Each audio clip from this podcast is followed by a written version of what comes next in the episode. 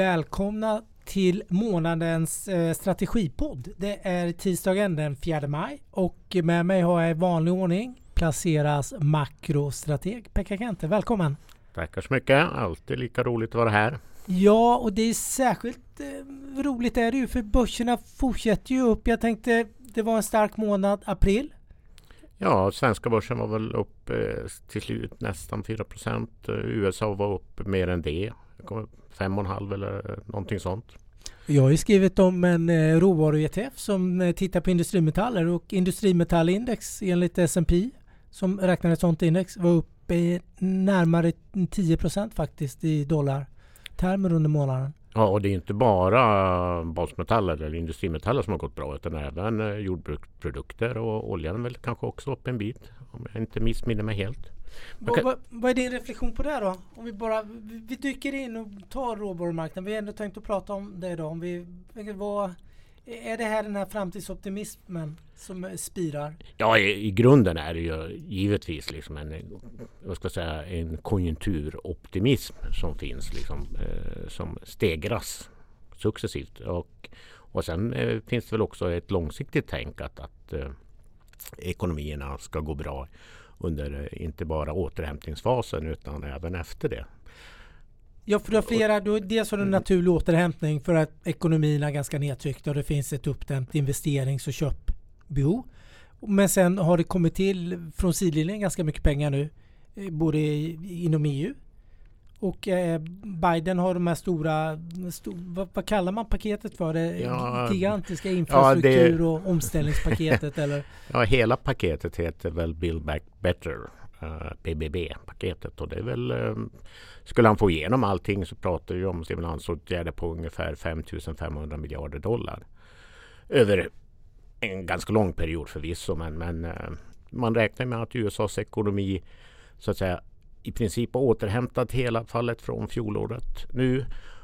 Och under 2022 då så kommer man ha passerat den tänkta tillväxtbanan som vi hade innan coronakrisen. Liksom. Så att det är en, en väldigt stark konjunktur som eh, vi ska ha i ryggen här de närmaste åren. Och det driver upp alla typer av råvaror, inte bara de här hårda metallerna utan även lite mjukare råvaror och kanske som du pratar om mat och den typen av, eller vete, havre. Ja, det är ju, framförallt har jordbruksprodukter ja. gått väldigt bra de senaste veckorna eller senaste månaden. Och sen, sen kan man väl tänka sig att även eh, leveransproblemen har stökat till det kanske lite i priserna. Att, ja, vill man ha. Eh, vi vet att det har varit svårt med leveranser och vill man tillförsäkra sig de här, eh, sina leveranser kanske man är beredd att betala lite mer också. Så råvaruuppgången är här för att stanna tror du? Eller? Jag, jag tror att det absolut är så att råvarupriserna kan fortsätta uppåt. Sen har det ju varit en fantastisk resa under ett år egentligen så att uh, man kanske inte kan räkna med att det fortsätter i samma takt. Men uh, i grunden är det positivt råvaror. Men du ju tangerar ju det lite.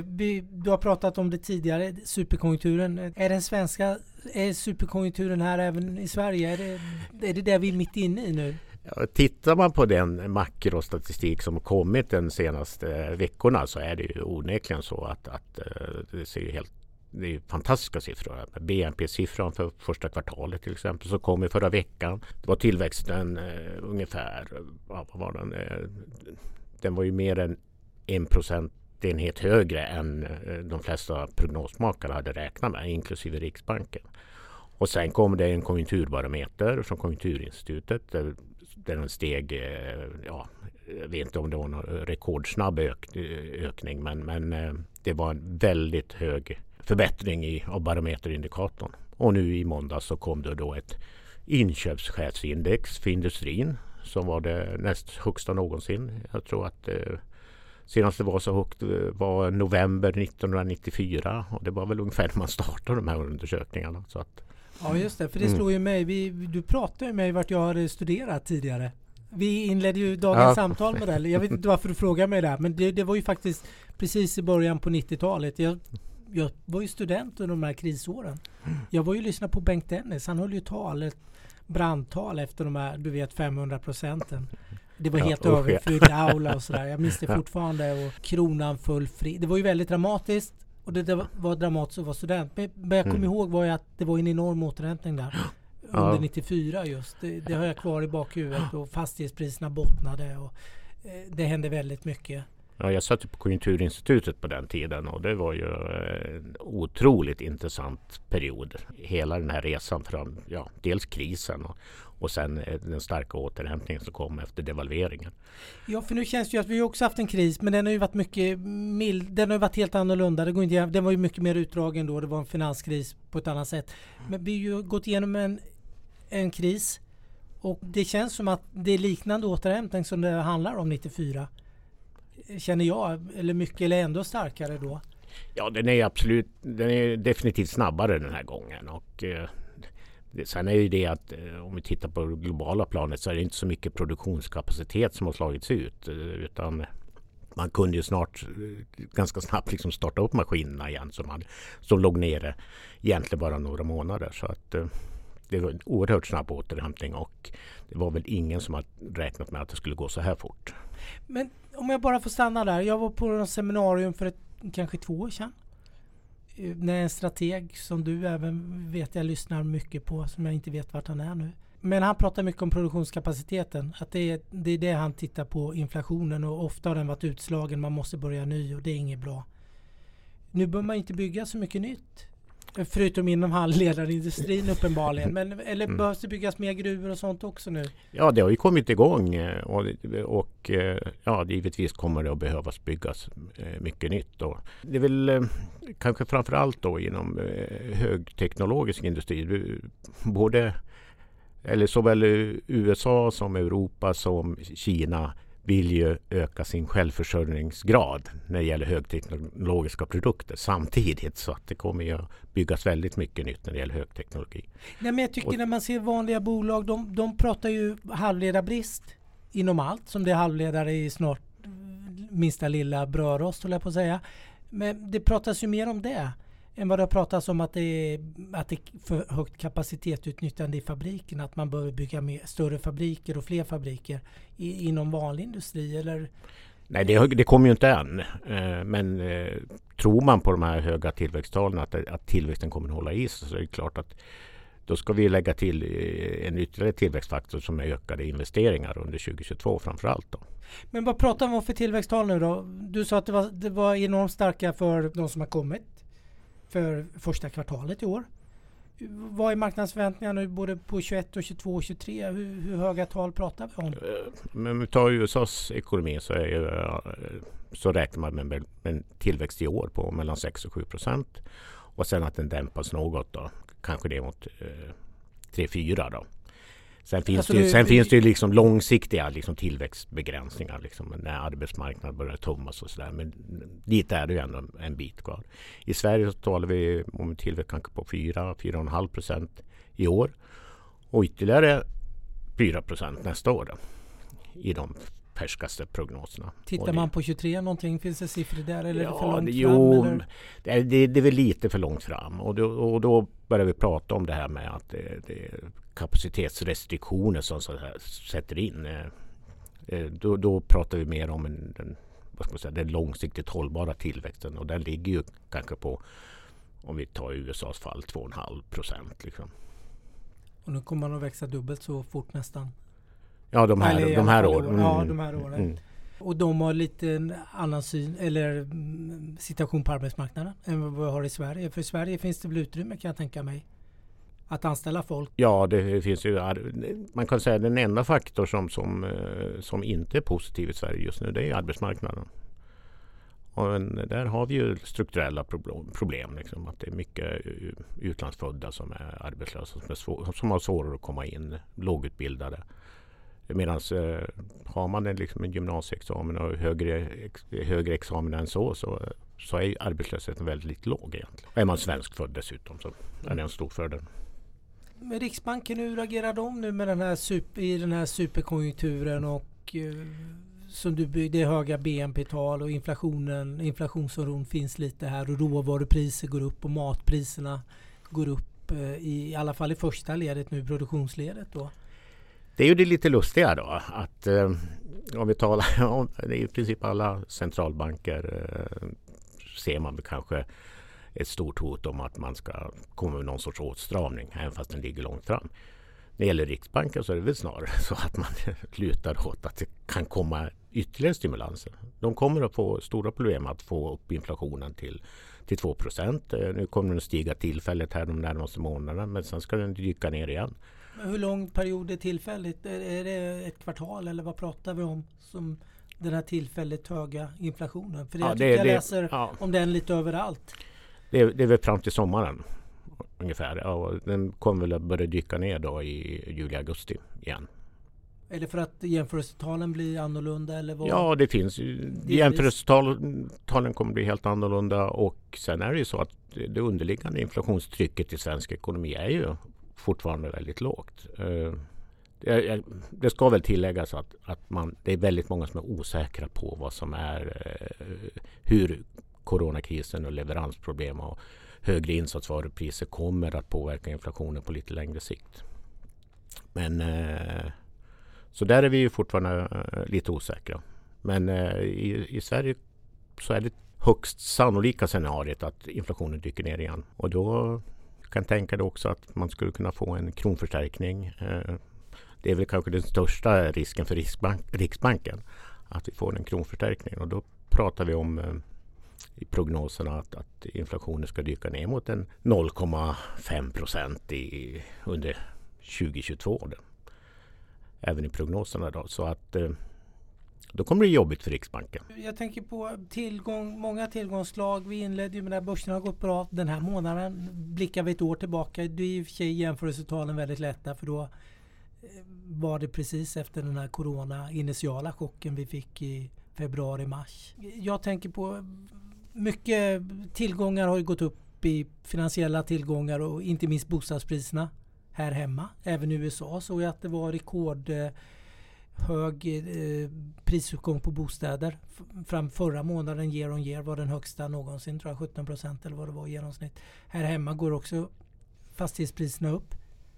Eh, hur tänker Riksbanken? Har de lämnat det helt eller är det något man har eller är det för, har man lämnat det till, ja, det slog, till andra aktörer, andra ja, myndigheter? Det slog ju mig att eh, efter Riksbankens senaste penningpolitiska besked. Som presskonferensen så var väl ungefär 90 procent av frågorna handlade om svensk bostadsmarknad och inte penningpolitik. Eh, så att det är ett väldigt fokus på det. Men eh, Ingves och hans kollegor de, de eh, har ju tvingats lämna det till, till liksom Finansinspektionen och, och politikerna. Och eh, Ingves pekade väldigt mycket på att orsaken till de stora prishöjningarna på bostäder i Sverige. Det är mer ett strukturellt problem än ett ränteproblem. Så att eh, han, skickar, han skickar, skickar den frågan till politikerna. Så vi har strukturellt problem med bostäderna. Det har vi haft så länge jag har. Och arbetsmarknaden den har också varit lite strukturellt problem. Även början på 90-talet eh, var det ju strukturellt felkomponerad. Om jag inte minns fel. Ja. Vilket den, fort, den är nu fast det är andra komponenter inblandade i, mm. i den här strukturhärvan får man väl kalla det för kanske. Ja, så kan man titta på ekonomin så, så tycker jag att eh, korten ligger hos, eh, hos politikerna i mycket högre grad än hos Riksbanken. Riksbanken kan inte göra så mycket åt de, de problem som finns som de kvarvarande problemen som finns i svensk ekonomi utan det, det är en politikerfråga.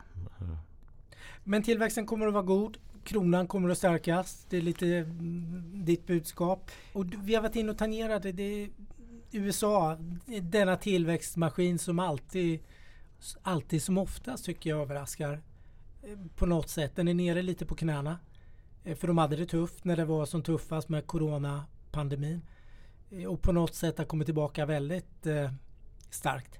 Och enorm tillväxt och enorma stimulanser. Vad, vad är din reflektion? Ja, det, eh, jag menar, amerikanska ekonomi, eller amerikanska arbetsmarknaden är så pass mycket mer dynamisk som en, en, än vad den är i Europa. Så att utslagen blir ju alltid mycket, mycket större på kort sikt, både uppåt och neråt. Sen är det ju de här stora stimulanspaketen som rullas ut. Jag kan ju som, som eh, gammal makroekonom så kan jag ju bli lite förskräckt över att man kan få eh, igenom i princip vad som helst eh, om nu Biden får igenom det. Jag kan väl tycka att det kan vara lite eh, väl mycket. Framförallt om man inte kan ordna upp en finansiering. Och, så det är den, den stora frågan inför hösten blir ju hur finansieringen ska se ut. Och det tycker jag inte börsen riktigt har tagit höjd för. Att skattehöjningar på både det ena och det andra. Företagsskatter, kapitalskatter. Så det blir en intressant höst. Ja, de har ju gått lite i täten nu i USA då för att försöka standardisera eller jag tänker på företagsbeskattning och dylikt nu då. Man vill se det och det är ju en prioriterad fråga nu uppenbarligen. Ja, dels så vill man ju höja det liksom företagsskatterna internt då i USA. Sen vill man ge sig på multisarna och få någon sorts internationell överenskommelse om någon sorts minimiskatt på dem. Och sen det här med kapital, kapitalskatterna. Nu, nu kommer den framförallt att riktas mot höginkomsttagarhushåll liksom, som har mer än en miljon dollar i årsinkomst. Men man vill ju utjämna kapital, kapitalskatter och skatter på arbete. Och det kommer säkert att sprida sig till Europa om man får igenom det. Så det kommer bli en, en kul fråga att följa de närmaste åren. Det kommer bli mer skatt. Det kommer mer prata skatt tror du de närmaste åren än vad det har gjort tidigare. Det har varit mycket skattesänkningar de senaste decenniet känns det ju som. Ja, men de underskotten som har byggts upp under, ja, inte bara under coronakrisen utan egentligen sedan finans, den amerikanska finanskrisen så måste ju de börja hanteras på något sätt. Så att skattefrågan kommer att bli högaktuell. Den är en del i den här hur, mm. hur det ska finansieras och Ja, hur länge vi kan ha en så hög skuldsättning. Mm, nu kan man ju peka på coronakrisen och få igenom sina stimulanspaket och sådär. Så och man bryr, bryr sig inte om eh, egentligen underskotten eller skulderna så mycket på marknaden. Men eh, lite högre räntor eh, ska betalas någon gång i alla fall. Du tangerade lite, du pratade lite högre räntor. Eh, inflationstrycket, det var ju mycket snack. Det har ju, den har ju dött ut lite nu den här inflationsförväntning. Det som lyfte amerikanska tioåringen främst då, mm. under februari. Ja, den eh, amerikanska långräntorna är ju snarare en eh, sjunkande trend. Och jag är egentligen jätteförvånad över det. Dels för att vi har de här höga eh, Eh, tillväxtförväntningarna, eh, inflationsförväntningarna i, ligger ju faktiskt eh, historiskt sett väldigt högt och vi vet att det är stigande in, i, priser på insatsvaror och lite leveransproblem. Räntorna borde enligt mig då röra sig upp. Men eh, nu har det varit väldigt lugnt och det visar väl att aptiten på amerikanska finans- statspapper finns kvar där ute. Det blir intressant att se vilka som har varit de stora köparna här under senare tid. Men du har ju flaggat för det tidigare att det kommer bli lite tuffare tror du för det kommer ut, de behöver göra större emissioner i sommar. Då vill du se hur riskaptiten ser ut, hur mycket tagare, köpare det finns där ute. Ja, jag ser ju ingen annan riktning för, för de långa amerikanska räntorna än uppåt. Sen tidpunkten är ju jättesvårt att säga om då. Eh, framförallt efter den här nedgångsfasen vi har varit inne i. Men upp ska de ju. Och frågan är liksom när uppgången kommer och när den börjar påverka eh, börsen negativt. men det, men det vi vet från eh, under första kvartalet att börsen och de här sektorerna, det mår ju inget bra när räntan går upp alldeles för fort. Det, var det stökar ju till väldigt mycket.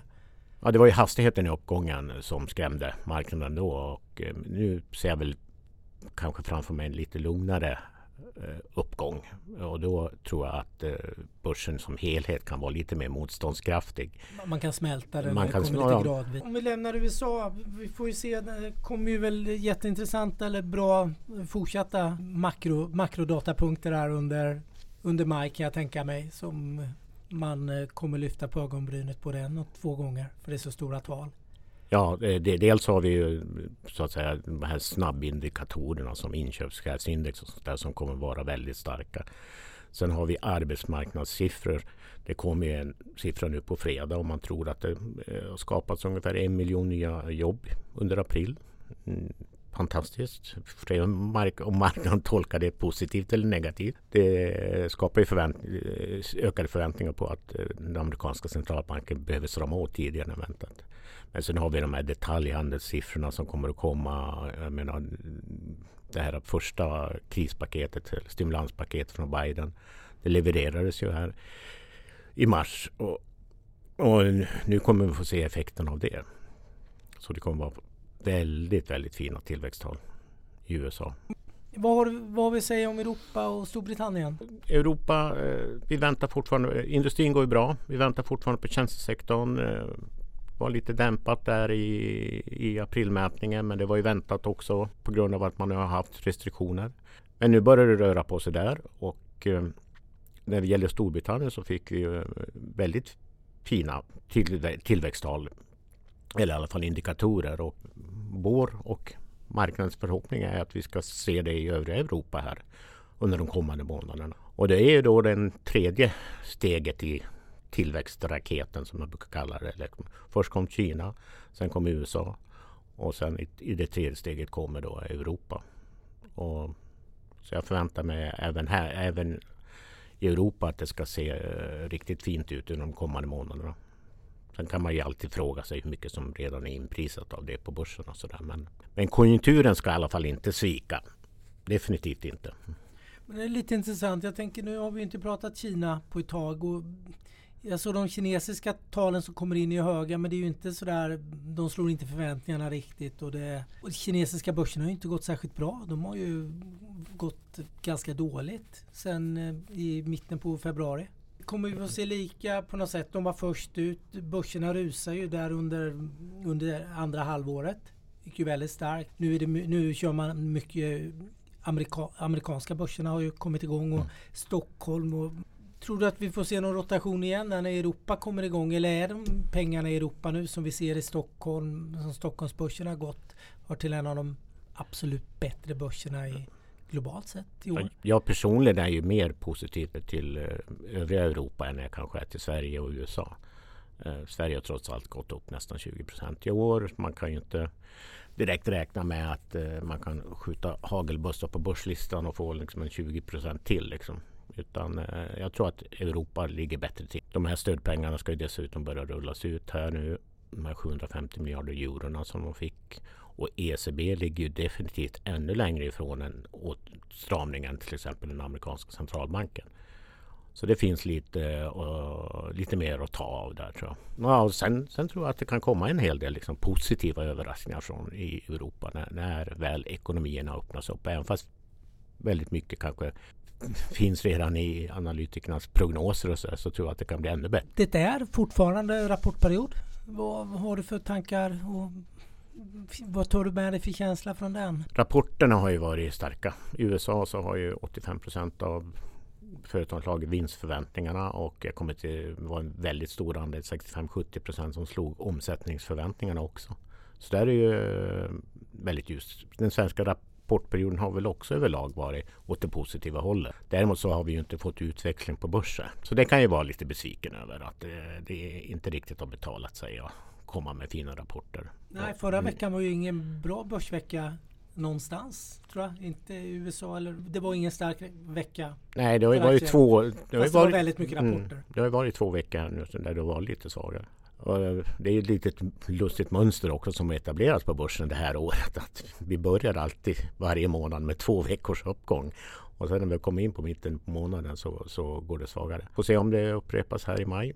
Men eh, som sagt rapportperioden stark. Eh, lite besviken på reaktionerna. Det kanske också är ett tecken på att man ska välja aktier med ännu större omsorg nu framöver. Ja, vad gör du nu eh, inför maj? Vi är ju precis i början på maj. Hur tänker du allokeringsmässigt nu? Aktier är ju definitivt fortfarande huvudalternativet. Men som sagt jag, eh, jag tänker mig att man allokerar mer mot Europa. Eh, fortsätter med det. Jag tror att det kan vara ett lyft. Lite försiktigare när det gäller USA och Sverige. Som jag tycker har gått väldigt mycket. Men som sagt konjunkturen i ryggen definitivt. Sen kommer det bli en diskussion om liksom, när den amerikanska centralbanken behöver strama åt och hur mycket och vad som händer med de amerikanska långräntorna. Dessutom så har vi de här finansieringsfrågorna som Biden måste ta itu med. Så att jag tror att det kan bli lite körigt i höst framför allt. Men så här kortsiktigt så tycker jag absolut att eh, aktier borde vara huvudalternativet. En fråga, något som var så hett på senhösten här, det var ju tillväxtmarknaderna, emerging markets. Det var ju många som var ute, många strateger som sa att det, det blir en bra tillgångsklass under 2021. Vi lägger pengarna här. Det började ju bra i Kina som är en stor del av tillväxtmarknadsindex har ju kommit av sig nu hela den för dollarn har vänt. Det blev en dollaruppgång från en dollarnedgång. Alltså, vad har du för, sätter du några pengar på Asien? Jag är, bara, jag är väl lite försiktig på Asien men, men eh, man ska komma ihåg att det var ju framförallt tre marknader som drog tillväxtbörserna och det var Kina, Sydkorea och Taiwan. Man kan ju fråga sig varför Sydkorea och Taiwan ligger bland tillväxtekonomierna men eh, de ligger där. Så jag tror att kommer smittspridningen ner, lite, ner mer. Vi har ju jättestor smittspridning fortfarande i Brasilien och Indien som är två tunga. Så tror jag eh, definitivt att det kan vara läge att börja titta mer på de marknaderna igen. Just nu är jag väl lite försiktig. Vi vet ju också att man i Kina är rädd för att skapa någon sorts överhettningstendenser och politikerna gör ju, är ju inne och fingrar på marknaden. Så där är man ju lite orolig. Det är liksom ytterligare en faktor att ta hänsyn till som tyvärr då är negativ. Då. Så Kina lägger du inga pengar för tillfället förstår jag? Nej, det gör jag inte. Vi får hoppas att maj blir en fortsatt eh, bra och intressant börsmånad tycker jag. Ja, det har ju goda förutsättningar att bli det. Tycker jag. Sen får vi se. Det är en, jag tror framför allt att den oro som jag ser framför mig när det gäller just det där som jag har nämnt flera gånger. Det är, det är framförallt ett höstproblem. Men nu är det vår. Våren nu är det är vår. Våren är 20 grader i nästa vecka. Fantastiskt. Pekka, jag tackar dig för den här eh, månadens eh, strategipodd. Så ses vi om en månad igen. Tack Tackar så mycket. mycket. Tack.